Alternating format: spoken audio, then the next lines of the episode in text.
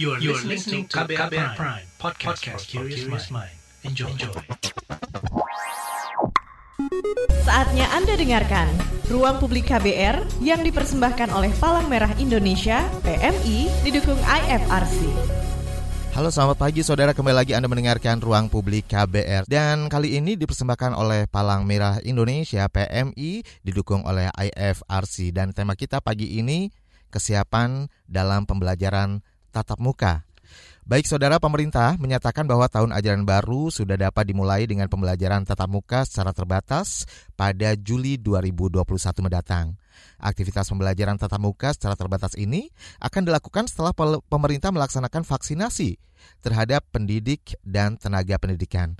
Namun sejumlah pihak masih khawatir karena melihat situasi dan penyebaran kasus COVID-19 saat ini yang terbilang masih cukup tinggi. Apakah Indonesia bisa dikatakan siap melakukan eh, sekolah tatap muka tahun ini?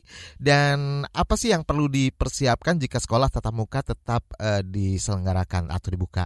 Kita akan perbincangan lebih dalam soal ini bersama uh, narasumber kami yang terhubung melalui aplikasi Zoom ya, secara virtual pagi hari ini.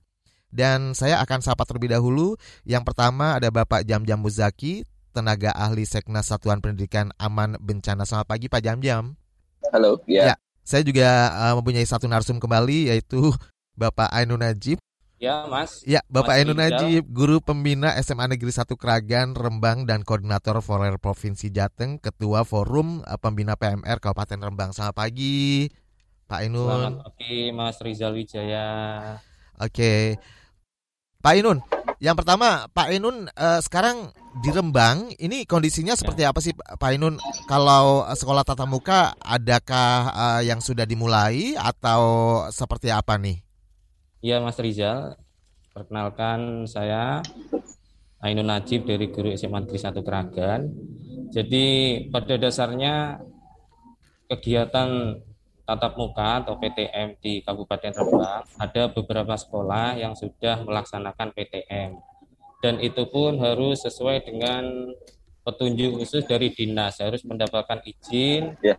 dan peraturan yang sangat ketat ya ya jadi sekolah yang sudah membuka di pertemuan tatap muka di Jawa Tengah itu pada dasarnya sudah dimulai PTM jadi dimulai dan di istilahnya harus ada persyaratan-persyaratan yang sangat ketat dari provinsi dan gugus COVID yang ada di kabupaten maupun di kecamatan. Jadi ujian tatap muka, jadi pertemuan tatap muka itu di Jawa Tengah itu dimulai pada tanggal 5 April sampai dengan 16 April ya di Jawa Tengah sudah dilaksanakan uji coba PTM tanggal 5 April sampai dengan 16 April. Untuk Jadi sekolah ada, tingkat ada 140 sekolah. Jadi SD, SMP, SMA. Ya, hmm? Jadi melalui kebijakan dari Bapak Gubernur, sekolah-sekolah yang mengajukan itu ada 35 SMP, kemudian 35 SMA, 35 SMK dan 35 MA. Oke. Okay. Jadi uji coba PTM pada tanggal 5 April, tahap pertama 5 April sampai 16 April itu belum dilakukan di tingkat SD, TK maupun PAUD. Baik. Pak Jam-Jam, dan Kemendikbudristek mengatakan bahwa sekolah akan mulai menggelar pembelajaran tatap muka secara terbatas pada bulan Juli 2021. Nah, sementara tadi e, dari Rembang juga melaporkan di Jawa Tengah ada e, udah 100 lebih ya Pak Inun ya, ya. yang sudah melakukan uji coba, uji coba persiapan untuk e, menggelar sekolah tatap muka. Nah, kalau dari uh, Pak Jam-Jam Muzaki ini selaku tenaga ahli Seknas Satuan Pendidikan Aman Bencana, bagaimana Anda melihatnya? Iya, Terima kasih uh, Pak Rizal, Mas Ainun. Jadi memang yang dilakukan oleh uh, teman-teman di Rembang di uh, sesuai dengan juga instruksi gubernur ya untuk simulasi pembelajaran tatap muka atau uji coba itu sebenarnya sudah sesuai dengan kebijakan yang dikeluarkan oleh Kemendikbud sendiri bahwa dalam persiapan pembelajaran tatap muka kita harus menyiapkan segala sesuatu agar bisa memitigasi risiko penularan COVID-19.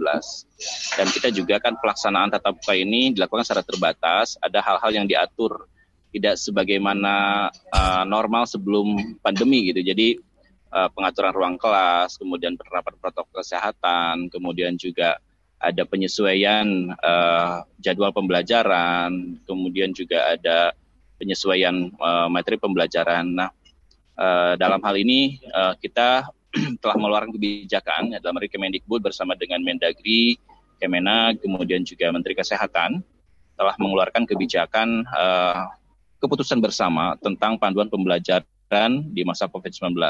Jadi saat ini ada dua uh, bagian, satu sekolah yang sudah guru-gurunya divaksin. Hmm. Jadi sekolah yang sudah guru-gurunya, guru dan tenaga pendidikan divaksin itu dapat menyelenggarakan pembelajaran tatap muka secara langsung dan tetap uh, juga menyediakan layanan pembelajaran jarak jauh. Jadi harus ada dua dua model yang disediakan oleh sekolah. Okay. Nah, yang kedua bagi guru dan tenaga pendidikan yang belum vaksinasi itu uh, harus atas seizin Pemda kalau ingin melakukan pembelajaran tatap muka. Pak Ainun, Begitu, Pak Rizal. Pak Ainun, ini urgensinya ya. sebenarnya uh, seperti apa sih? Apa yang melatar belakangi akhirnya uh, sekolah tatap muka ini memang harus tetap dibuka meskipun uh, angka COVID-19 terkonfirmasi positif masih banyak ya, masih tinggi?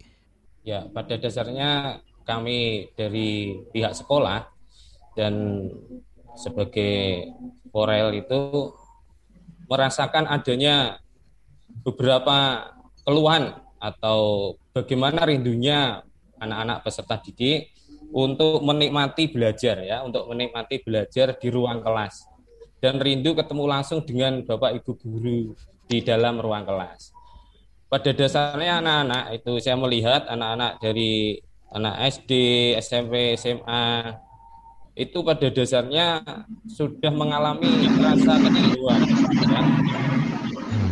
mengalami rasa kejenuhan untuk mengikuti kegiatan belajar jarak jauh. Jadi adanya pandemi ini yang sudah berjalan eh, tahun kedua ini pada dasarnya anak-anak itu masih merasakan uh, bagaimana kurang maksimalnya ya menikmati okay. belajar. Jadi yang melatar belakangi adanya ke, uh, pertemuan tatap muka yang dirasakan anak-anak itu adalah mereka mengalami rasa kejenuhan belajar jarak jauh. Jadi hmm. PJJ pelajaran jarak jauh yang dilaksanakan oleh Bapak Ibu guru mereka. Dan kadang mereka menuntut melaksanakan kegiatan harus masuk sekolah. Nah, inilah yang mana eh, di masa pandemi ini kita bersama-sama. Jadi stakeholder semuanya, SKPD semuanya bagaimana memberikan sebuah pemahaman. Okay. Ya, pemahaman yang betul-betul bisa dipahami peserta didik dari semua tingkatan bahwasanya kita ini menghadapi dunia baru ya, hmm. dunia baru, dunia yang penuh dengan apa namanya tantangan tantangan pandemi khususnya. Jadi semuanya yang melatar belakangi itu semua adalah adanya keinginan untuk belajar di dalam kelas. Baik. Itu pun dirasakan oleh orang tua, wali murid, bahwasanya anak itu ketika tidak sekolah itu malah banyak bermain waktunya di luar sekolah maupun di di rumahnya sendiri. Dan dikhawatirkan kehilangan motivasi juga untuk belajar gitu ya Pak ya. Baik. Motivasi belajarnya menurun. Iya, kalau dari Pak Jam-Jam sendiri ada yang mau ditambahkan Pak Jam-Jam. Ini sebenarnya urgensinya seperti apa sih? Kenapa kebijakan ini harus dikeluarkan? Apakah tidak apakah bisa dikatakan tidak terlalu terburu-buru? Eh terburu-buru atau gimana nih? Kita penasaran juga nih. Jadi dalam masa pandemi ini kan uh, yang penting, yang paling utama adalah keselamatan dan kesehatan tapi kita tidak juga bisa mengenyampingkan uh, hak atas pendidikan dan tumbuh kembang anak. Nah, kalau dalam jangka panjang uh, pembelajaran jarak jauh yang diselenggarakan ini kan berdampak uh, banyak negatif karena uh, background atau be, apa kesiapan sekolah melaksanakan pembelajaran jarak itu beda-beda. Hmm. Ada yang mampu secara uh, kapasitas memiliki akses ke sumber pembelajaran ya melalui teknologi. Kemudian jadi ada juga juga uh, keluarga dari yang tidak mampu, yang tidak punya peralatan, tidak punya akses terhadap internet, uh, susah gitu untuk mengakses pembelajaran. Dalam jangka panjang ini bisa menyebabkan satu learning loss, jadi adanya uh, kesempatan belajar yang hilang hmm. dari anak yang kayak tadi Pak Najib bilang malah main, orang tuanya harus kerja, nggak ada yang ngawasin gitu dan lain sebagainya. Nah, ini juga kekhawatiran kita dalam jangka panjang bisa berdampak buruk tadi learning loss, kemudian juga di daerah-daerah tertentu anak-anak ada yang uh, diminta untuk membantu orang tua, misalkan di pesisir gitu ya, kemudian bekerja di gitu ya. yang harus kerja sehingga bekerja sehingga akhirnya juga uh, apa ada kemungkinan untuk putus sekolah itu ada gitu. Kemudian juga di beberapa daerah bahkan ada yang informasi yang ada pernikahan dini dan lain sebagainya. Oh. Jadi uh, kita mencoba uh, mencari alternatif bagaimana bisa melaksanakan pembelajaran tatap muka supaya dampaknya bisa kita kurangi yang tadi ya, tapi aman. Nah, makanya kita atur, uh, siapkan uh, pengaturan dari sisi protokol kesehatan, dari sisi penjadwalan, dari sisi memitigasi risiko risikonya. Begitu Pak Bisa ya. Sebenarnya kalau uh, di luar negeri sendiri seperti apa sih? Apakah mereka sudah mulai menggelar tat sekolah tatap muka juga? Apakah Indonesia dibilang uh, terlambat atau seperti apa ini? Ya, secara umum sih di luar negeri ini sama dengan kita ya sebenarnya buka tutup. Oh. Jadi di oh. awal pandemi 181 negara itu uh, hampir 90% tutup tapi kemudian banyak yang membuka misalkan di Asia Pasifik ya dari 25 itu hanya 20 hanya dua negara yang uh, kita Indonesia sama Viet uh, sama uh, Vietnam kalau salah atau sama negara mana yang uh, masih menutup uh, pembelajaran tatap mukanya atau menutup sekolahnya. Nah, jadi memang kita termasuk yang uh, paling hati-hati gitu oh, di antara okay. yang lain. Singapura, kemudian uh, di Eropa, kemudian juga di beberapa negara Asia itu uh, sudah semakin banyak. Tapi juga kita melihat adanya apa kontrol dari pemerintah terkait dengan pandemi ini seperti apa. Kita pokoknya ikuti pemerintah saja gitu. Baik, dikatakan di awal Pak Jam-Jam bahwa karena eh, bagi bagi guru-guru yang sudah divaksin di daerah tertentu gitu ya, ini boleh menggelar uh, sekolah tatap muka ya kan? Nah, ini kalau yeah. ngomongin vaksin, soal program vaksinasi terhadap guru ini, kan bulan Juli nih sebentar lagi satu bulan uh, setengah lagi ya.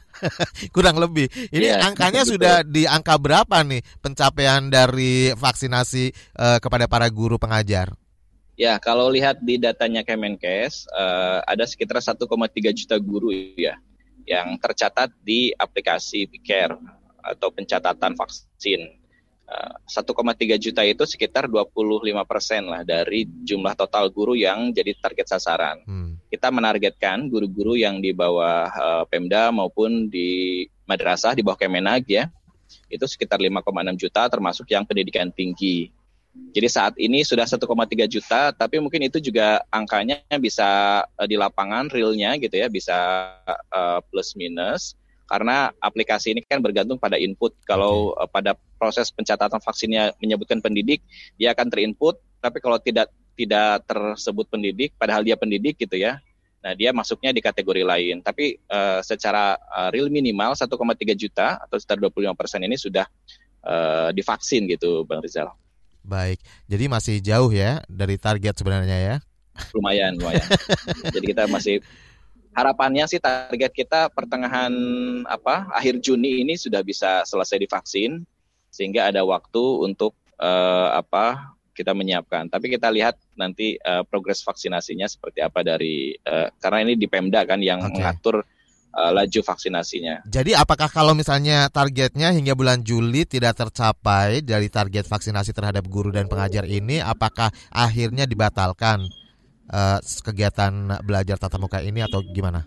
Kebijakannya tidak akan berubah, jadi tetap sama. Jadi ada dua uh, model ya. Satu sekolah yang memang gurunya sudah divaksin, hmm. jadi itu sudah langsung bisa memberikan layanan tatap muka secara uh, terbatas, uh, di, dikombinasikan dengan PJJ. Tapi bagi sekolah yang belum tervaksin, belum guru-gurunya belum divaksin, maka itu atas izin Pemda. Jadi tetap tetap dua-dua itu berjalan. Okay. Uh, Bang Rizal ya. Baik. Jadi kita tidak mengubah kebijakan. Ya. Kita akan tahan dulu dan nanti saya uh, penasaran juga nih dengan uh, Pak Ainun Najib yang sudah menggelar uji coba PTM ya, pembelajaran tatap muka. Uh, nanti boleh di-share juga bagaimana pengalamannya uh, persiapan yang sudah dilakukan juga sejauh ini hingga bulan Juli nanti saatnya PTM dibuka. Dan saya akan kembali setelah jeda berikut ini. Masih Anda dengarkan Ruang Publik KBR yang dipersembahkan oleh Palang Merah Indonesia, PMI, didukung IFRC. Commercial break. Commercial break. Commercial break.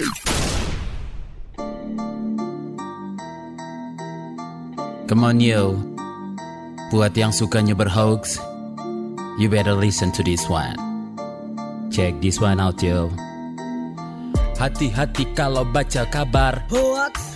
Jangan langsung disebar kabar yang Hoax. Kalau mau tahu kabar benar atau Hoax. Dengerin cek fakta yang pasti bukan Hoax. Dengerinnya setiap Senin yang jelas bukan Hoax. Cuma ada di kbrprime.id Betul. Dan aplikasi podcast lainnya Hoax. Sudah cukup-cukup hoaxnya? Hoax. Cukup Jaga emosi, tahan jari, verifikasi sebelum dibagi. Saya Ari Bowo Sasmito, Ketua Komite Pemeriksa Fakta Mafindo. KBR Prime, podcast for curious mind. Masih Anda dengarkan Ruang Publik KBR yang dipersembahkan oleh Palang Merah Indonesia, PMI, didukung IFRC. Ada masih di ruang publik KBR bersama saya Rizal Wijaya. Kami juga sudah terhubung yang sudah masuk di 0800 245 7893 telepon bebas pulsa kami. Ada Ibu Susan di Jakarta. Selamat pagi. Halo, selamat pagi. Oke, silakan Mbak Susan ya. Oke, oke, iya Mas, saya mau nanya nih untuk PTM nanti kan di Juli ya. Nah, itu apakah ada untuk siswa-siswanya apakah ada swab terlebih dahulu? Jika iya, apakah di, dijalankan secara rutin? Dan juga kalau misalnya memang iya juga ya di yang biayai siapa ya? Maksudnya apakah dari pemerintah atau secara pribadi gitu sih? Apanya nih? Untuk swabnya? Oh, swabnya. Baik, Iya. baik. Terima kasih Susan Oke. yang ada di Baik, Jakarta. Terima kasih. Nah, bagaimana nih? Mungkin dari Pak Jam-Jam ya. Pak Jam-Jam Ya, boleh menjawab pertanyaan Susan di Jakarta. Apakah ya dari sisi siswa yang akan PTM harus swab test dulu termasuk gurunya juga pengajarnya juga. Kemudian biayanya apakah dikenakan oleh mereka sendiri atau gimana? Terima kasih eh, Bang Rizal, eh, Bu Susan. Jadi eh, swab test ini memang tidak dijadikan syarat wajib ya bagi penyelenggaraan tatap muka, tapi Pemda dapat memfasilitasi pelaksanaan swab atau tes COVID eh, bagi pendidik maupun peserta didik yang akan melaksanakan pembelajaran tatap muka. Jadi ini sebenarnya bukan syarat wajib. Gitu. Jadi ada enam daftar periksa yang perlu dipenuhi. Satu terkait dengan kesiapan sarana kebersihan dan kesehatan. Ada cuci tangan, sarana cuci, cuci tangan pakai sabun, kemudian toiletnya bersih, kemudian juga punya termogan, akses ke layanan kesehatan, ada ke puskesmas, ke poliklinik, ke rumah sakit gitu tersedia.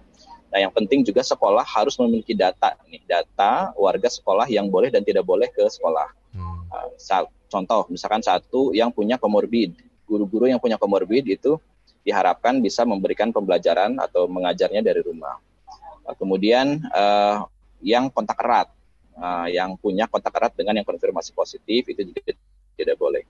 Yang ketiga yang uh, melakukan perjalanan uh, dari uh, daerah yang berisiko atau misalkan perjalanan dari uh, luar daerah itu juga harus melakukan isolasi dulu sebelum uh, ke apa ke sekolah. Nah terkait dengan tes ini memang tidak jadi syarat wajib tapi akan menjadi wajib ketika memang ada temuan kasus. Jadi Oke. kalau ditemukan satu kasus di sekolah, eh, pihak sekolah wajib membantu eh, petugas atau satgas maupun fasiankes atau puskesmas untuk melakukan tracing. Eh, jadi dilacak, kemudian ditelusuri siapa kontak erat dengan yang positif, apakah ada anak-anak, ada guru, kemudian juga dilakukan tes. Nah, yang melakukan itu kan biasanya dari satgas atau dari puskesmas. Nah, makanya koordinasi antara sekolah dengan satgas ini penting.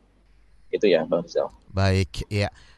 Kalau dari pengalaman eh, Pak Ainun Najib nih, guru pembina SMA Negeri 1 Keragan, Rembang, dan sekaligus koordinator Forel Provinsi Jateng. Eh, Pak Ainun, dari bulan April sudah dilakukan uji coba PTM ya. Ya. Boleh diceritakan nih bagaimana progresnya? Apakah semua eh, wali muridnya, orang tua dari para siswa ini menyetujui pada saat itu atau ada tantangan lain nih kendala yang dihadapi? Ya, saya konfirmasi dulu Mas Rizal. Jadi sekolah kami di SMA Kragan itu pada dasarnya sudah menyiapkan lebih dahulu progres persyaratan yang harus dilengkapi untuk menghadapi PTM. Mulai dari komunikasi dengan komite sekolah, kemudian sudah dibentuk Satgas Covid di sekolah, kemudian semua sarana prasarana semua disiapkan di sekolah kami, mulai cuci tangan dari pintu masuk, kemudian di kelas-kelas, dan sanitizer di setiap meja ruang guru, dan anak-anak disarankan untuk membawa hand sanitizer di kecil di sakunya masing-masing. Jadi dari pintu gerbang sekolah itu kami sudah mengingatkan lewat poster, lewat banner bagaimana mem, mem, mempertahankan untuk sesuai dengan prokes. Jadi mempertahankan 5M itu mudah kita baca, tapi ketika di lapangan dipraktekkan kita melihat anak Betul. kita kadang kadang maskernya lupa dia taruh. Nah, ini memang udah lama nggak ketemu, udah lama nggak ketemu peluk-pelukan gitu ya. iya. Jadi kadang ada itu beberapa anak itu memaksa dulu sebelum ada PTM.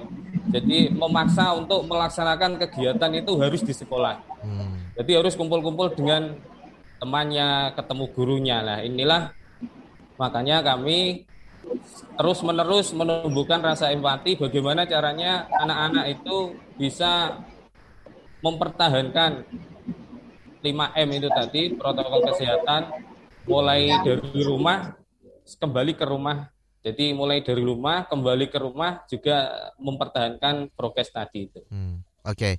Jadi uh, kemarin yang sudah dilakukan uh, jumlah muridnya sendiri dibatasi gitu ya pak ya? Ketentuannya seperti apa? Di, di Kabupaten Rembang itu pada dasarnya pelaksanaan PTM itu hanya dua jam. Jadi hmm. peraturannya adalah tidak boleh pertama tidak boleh semuanya masuk. Jadi 50% yang boleh masuk itu pun tidak full enam hari. Di sekolah terdekat di daerah kami, di SMP, di SD itu, kalau di SD kami melihat di SD itu hanya sekolah dua hari dan di dalam kelas hanya dua jam tidak ada waktu istirahat okay. dan kantin tidak boleh buka. Dan yang paling terpenting adalah harus memakai masker, mempertahankan memakai masker dari rumah kemudian sampai ke rumah kembali. Okay. Di sekolah pun sama. Jadi ada satgas dari Bapak Ibu guru juga ada satgas dari para siswa. Di Jawa Tengah itu pada dasarnya sudah betul-betul diawasi ya dari tingkat dari gugus dari desa, dari kecamatan, dari kabupaten, dari provinsi itu saling saling melengkapi, saling mengingatkan Baik. dan saling mengevaluasi. Baik. Pak Pak Jam-Jam, ini kan uh, penuh tantangan pasti ya. Tantangannya sangat luar biasa sekali ya, ketika betul. menggelar PTM di tengah pandemi, biasa, ya, ya kan. Nah, belum lagi kalau tadi kan uh, seandainya tidak digelar PTM ini dampaknya juga luar biasa, masalah sosial dan sebagainya terhadap anak-anak didik kita. Nah, ini kan dibutuhkan juga kayak prasarana, sarana dan prasarana dan se tidak setiap sekolah sama sarana dan prasarananya. Meskipun guru-gurunya sebenarnya pengajarnya sudah divaksin. Ini seperti apa sih sebenarnya uh, parameter dari sebuah sekolah sehingga diizinkan untuk menggelar PTM ini? Ya, uh, dari sisi kesiapan protokol kesehatan ya, penerapan protokol kesehatan itu mungkin yang paling utama. Jadi dari sisi kesiapan sarana prasarana kebersihan, akses terhadap pelayanan kesehatan, kemampuan mengelola risiko di sekolah ya tadi ya, mem memantau uh, siapa yang boleh dan tidak boleh ke sekolah.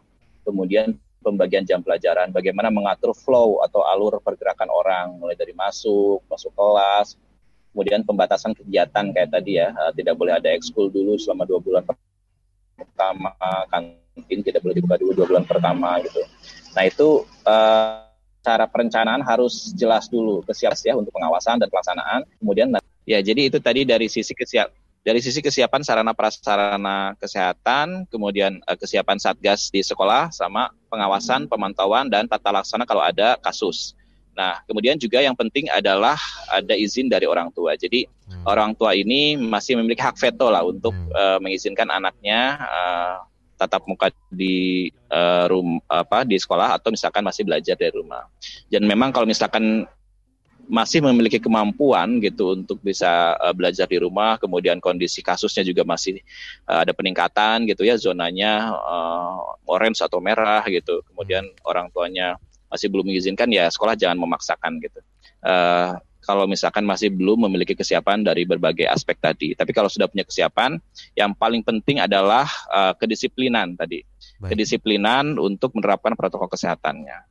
Baik, ya. hak veto tetap di orang tua gitu ya. Jadi uh, tidak ada juga sanksi ketika menolak untuk ditawari anaknya sekolah tatap muka gitu ya. Tapi nggak ada nggak ada dan ya. tolong dilaporkan kalau ada.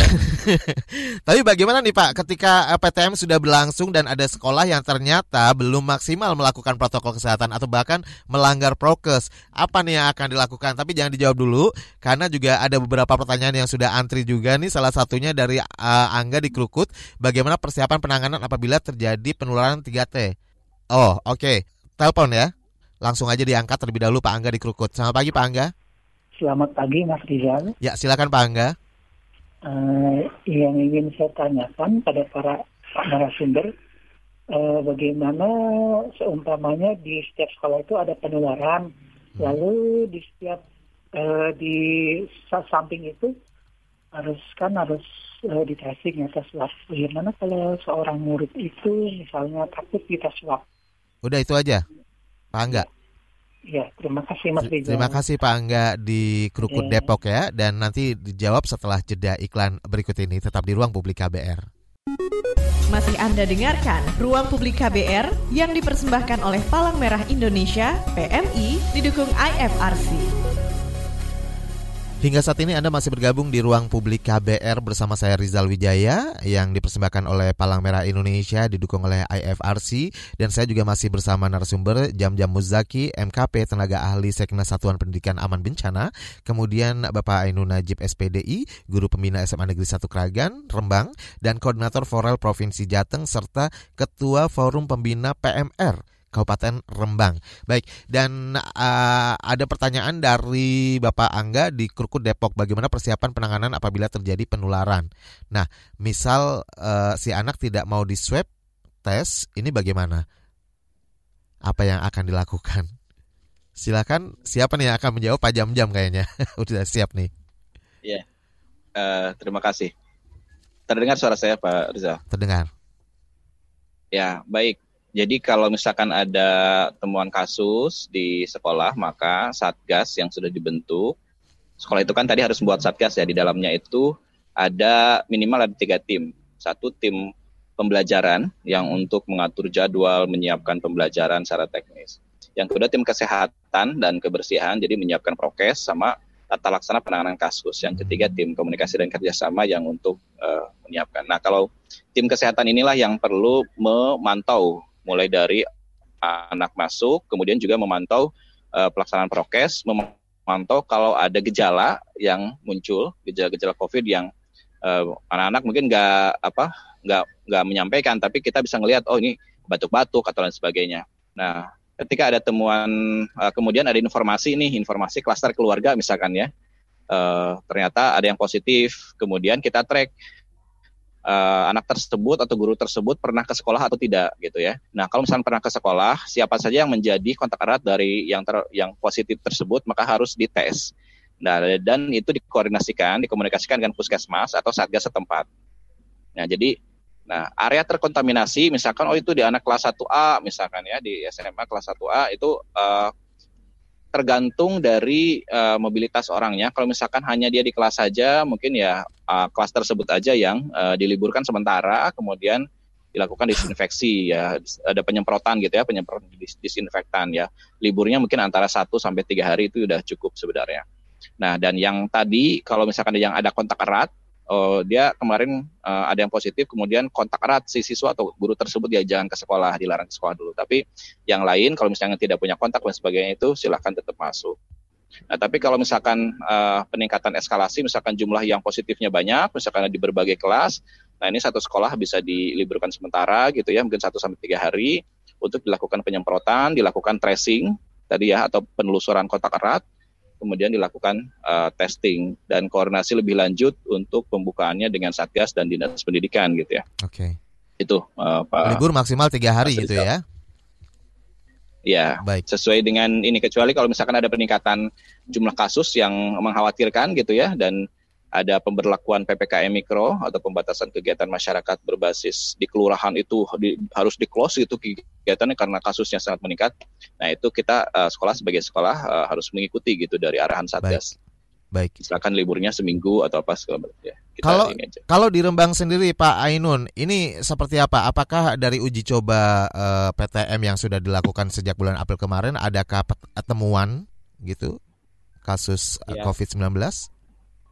Ya, terima kasih. Jadi pada dasarnya di daerah saya, di sekolah kami itu dulu pernah ketika persiapan PTM itu ada guru yang terkonfirmasi kemudian menyampaikan kepada kepala sekolah sebagai ketua gugus COVID, kemudian menginstruksikan kepada tim gugus COVID untuk melaks- melakukan penyemprotan di seluruh seluruh tempat yang ada di sekolah kami dan sekolah kami di lockdown tiga hari. Jadi bapak ibu guru pun tidak diperkenankan untuk datang ke sekolah. Jadi harus WFH, jadi absen dari rumah.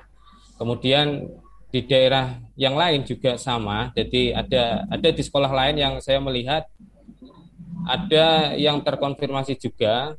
Kemudian pada hari itu juga sekolah diliburkan. Jadi sesuai dengan yang disampaikan oleh Pak Jam tadi, pada dasarnya sekolah kami di Jawa Tengah, sekolah-sekolah yang sudah melaksanakan uji coba PTM, sudah betul-betul melaksanakan ya melaksanakan peraturan prokes yang sudah ditentukan oleh dinas provinsi, kabupaten maupun di daerah wilayah masing-masing.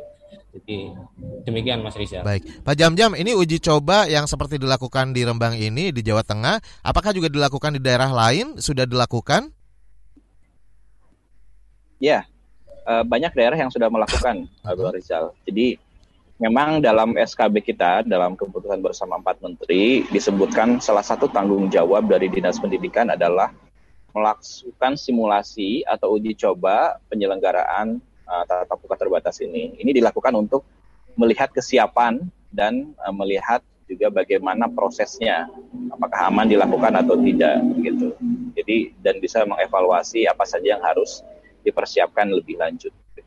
Hasil evaluasinya seperti Sudah apa nih yang Pak yang sudah yang sudah sejauh ini yang sudah melakukan uji coba ini PTM? Iya, eh, secara mayoritas sih sebenarnya kuncinya ada di disiplin pelaksanaan protokol kesehatan.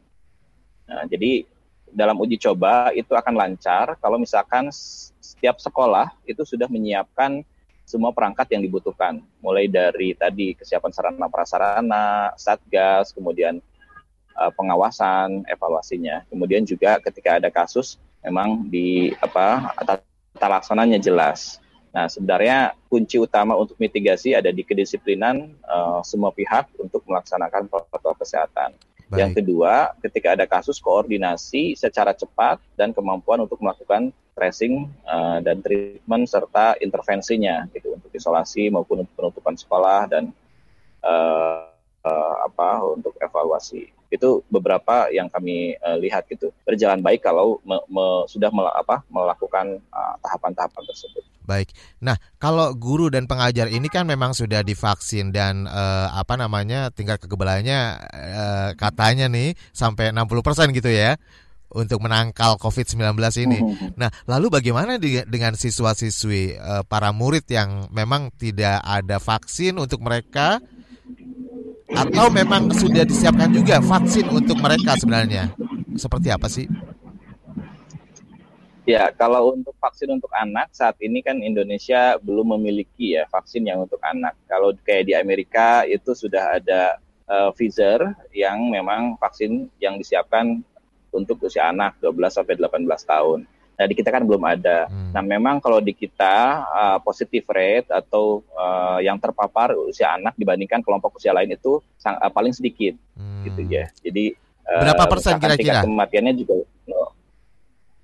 Kalau uh, uh, se uh, sebulan terakhir sekitar 9,3 persen, 9 sampai 12 persen itu uh, positif rate dari total uh, 1,7 juta ya yang sudah terkonfirmasi positif. Dari yang meninggal itu sekitar 0,2 persen hmm. uh, yang meninggal usia anak.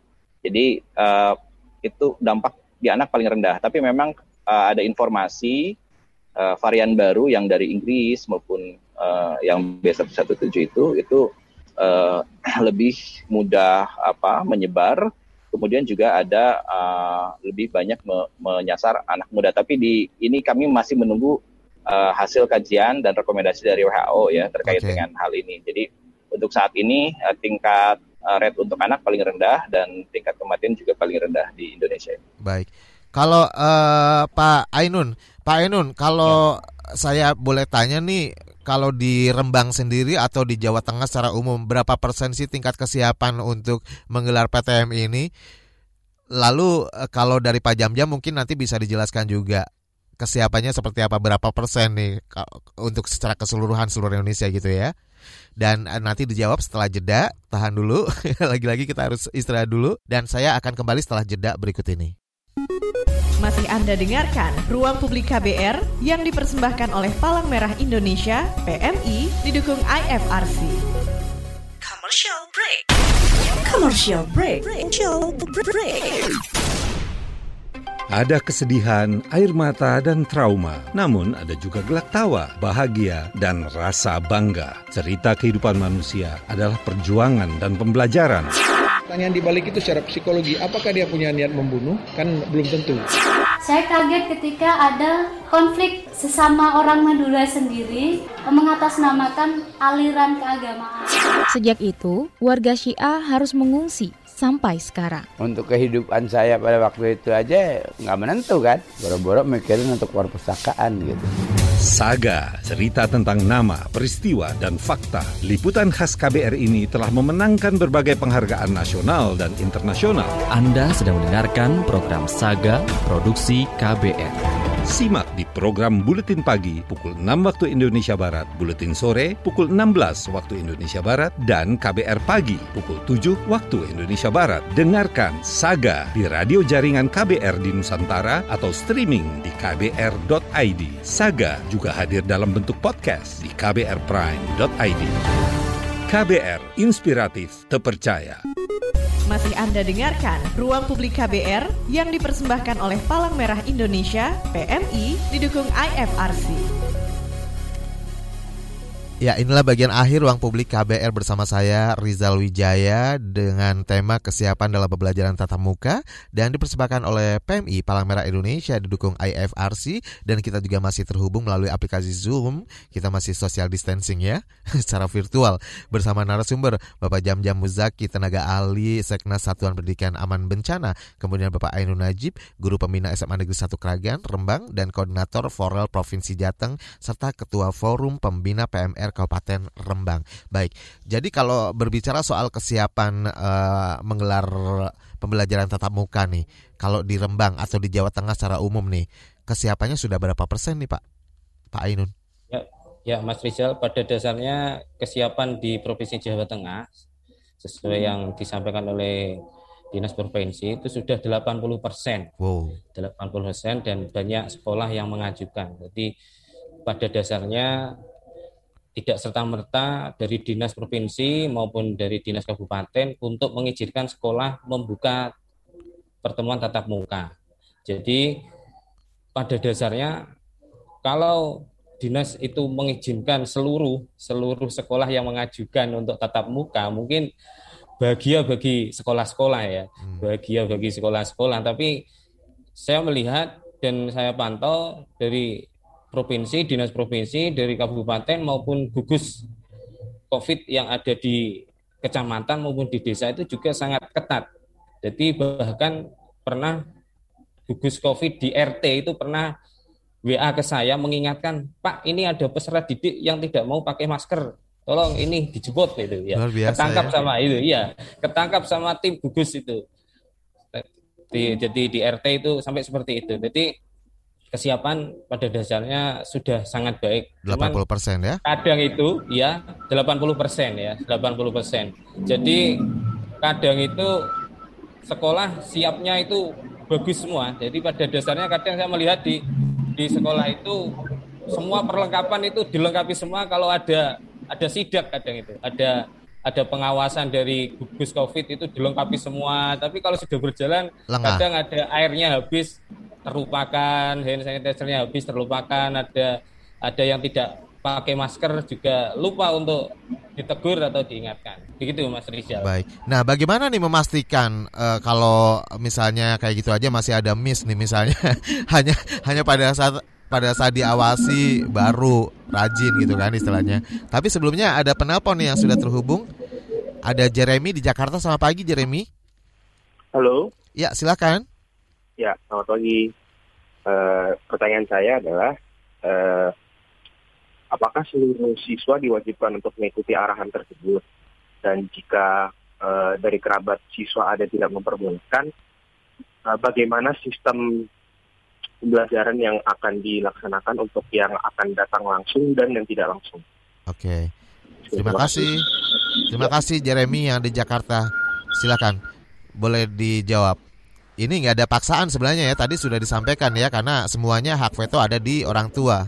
Pak Jam-Jam boleh dijelaskan dijawab pertanyaan dari eh, Ya. Jeremy? Eh, terima kasih Mas Jeremy. Jadi kalau misalkan eh, ada eh, anak yang memilih untuk belajar di rumah gitu ya, sedangkan yang lainnya sudah tatap muka di eh, sekolah, itu memang kan dalam pembelajaran tatap mukanya terbatas ya. Jadi ada pembagian eh, jadwal pembelajaran, ada shift gitu misalkan. Tadi disampaikan di Rembang dua jam, kemudian juga shiftnya bisa eh, shift pagi siang atau misalkan shift hari, misalkan eh, maksimal orang eh, siswa itu tiga hari. Nah dua harinya kan tetap anak-anak harus belajar di rumah juga PJJ. Jadi ini memang jadi tambahan eh, pekerjaan buat sekolah ya, menyiapkan dua moda ter- eh, secara lang- secara langsung. Jadi yang tatap muka dan yang eh, di eh, rumah. Nah ini mungkin kewajiban kepala sekolah untuk mengatur nih pembagiannya seperti apa. Jadi kami membebaskan sekolah untuk bisa mengatur eh, prinsipnya adalah dua moda itu harus bisa tetap terlaksana, anak-anak harus bisa tetap terlayani. Jadi mungkin apakah yang eh, belajar di rumah ini dijadikan satu kelas tersendiri gitu ya, sehingga pembelajarannya ada guru yang menghandle secara langsung atau misalkan eh, kalau di tingkat atas kan di SMA itu sudah per mata pelajaran gitu ya, apakah memang dibuat eh, jadwalnya, se- apakah eh, modelnya kombinasi, misalkan kan kayak Zoom itu bisa di kelas eh, kita eh, tatap muka, tapi Secara juga live? secara langsung secara live bisa disaksikan di Zoom itu bisa juga. Nah ini memang tergantung kesiapan sekolahnya.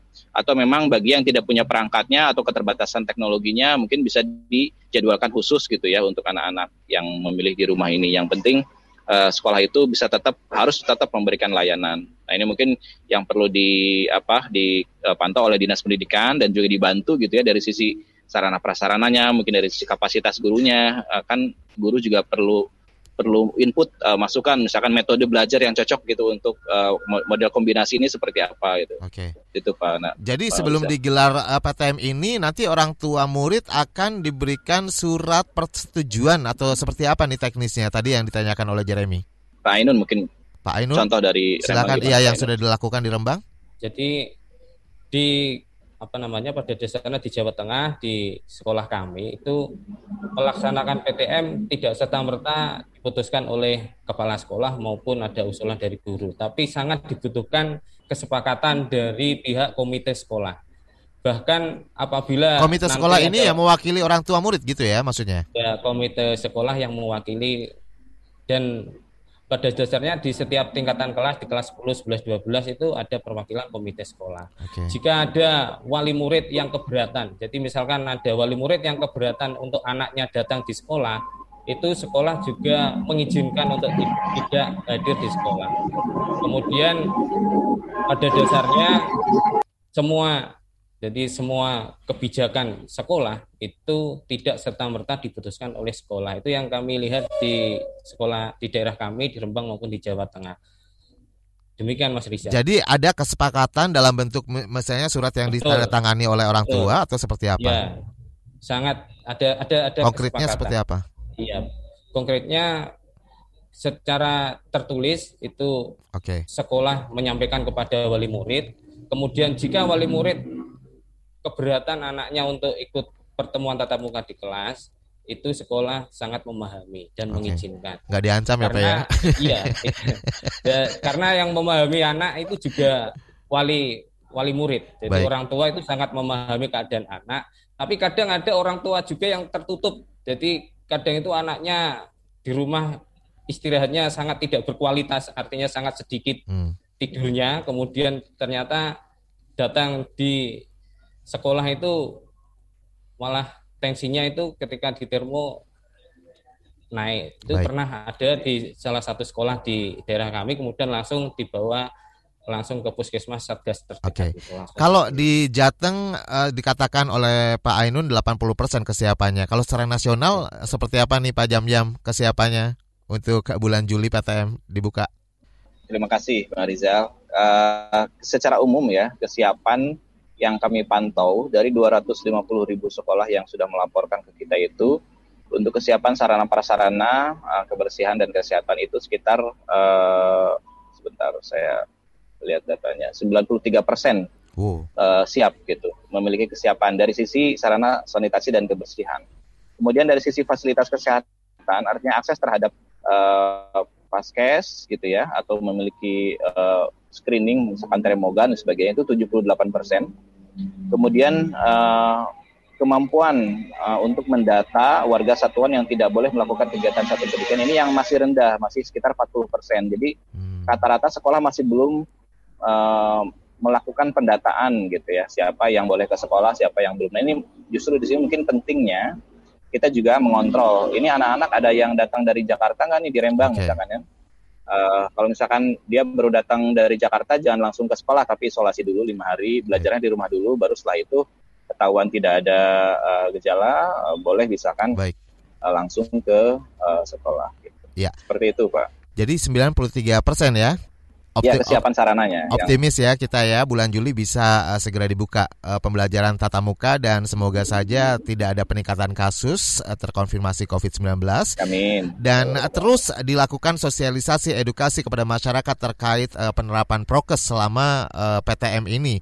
Dan ini salah satunya dilakukan juga oleh Palang Merah Indonesia dan IFRC berkat dukungannya juga sehingga pagi hari ini kita juga masih terus bisa mensosialisasikan dan mengedukasi kepada seluruh pendengar kita di ruang publik KBR hingga uh, 100 radio jaringan di seluruh Indonesia ya. Dan saya mengucapkan terima kasih sekali atas kehadirannya untuk uh, Pak Ainun juga Ya. Pak Jam-Jam atas waktunya. Terima saya kasih, Rizal harus segera Rizal, pamit. Bapak Ibu semua. Terima kasih, salam sehat, salam untuk semuanya. Terima kasih. Salam sehat semua. Ya, Assalamualaikum Baru saja Anda dengarkan Ruang Publik KBR yang dipersembahkan oleh Palang Merah Indonesia PMI didukung IFRC. KBR Prime, cara asik mendengar berita. KBR Prime, podcast for curious mind.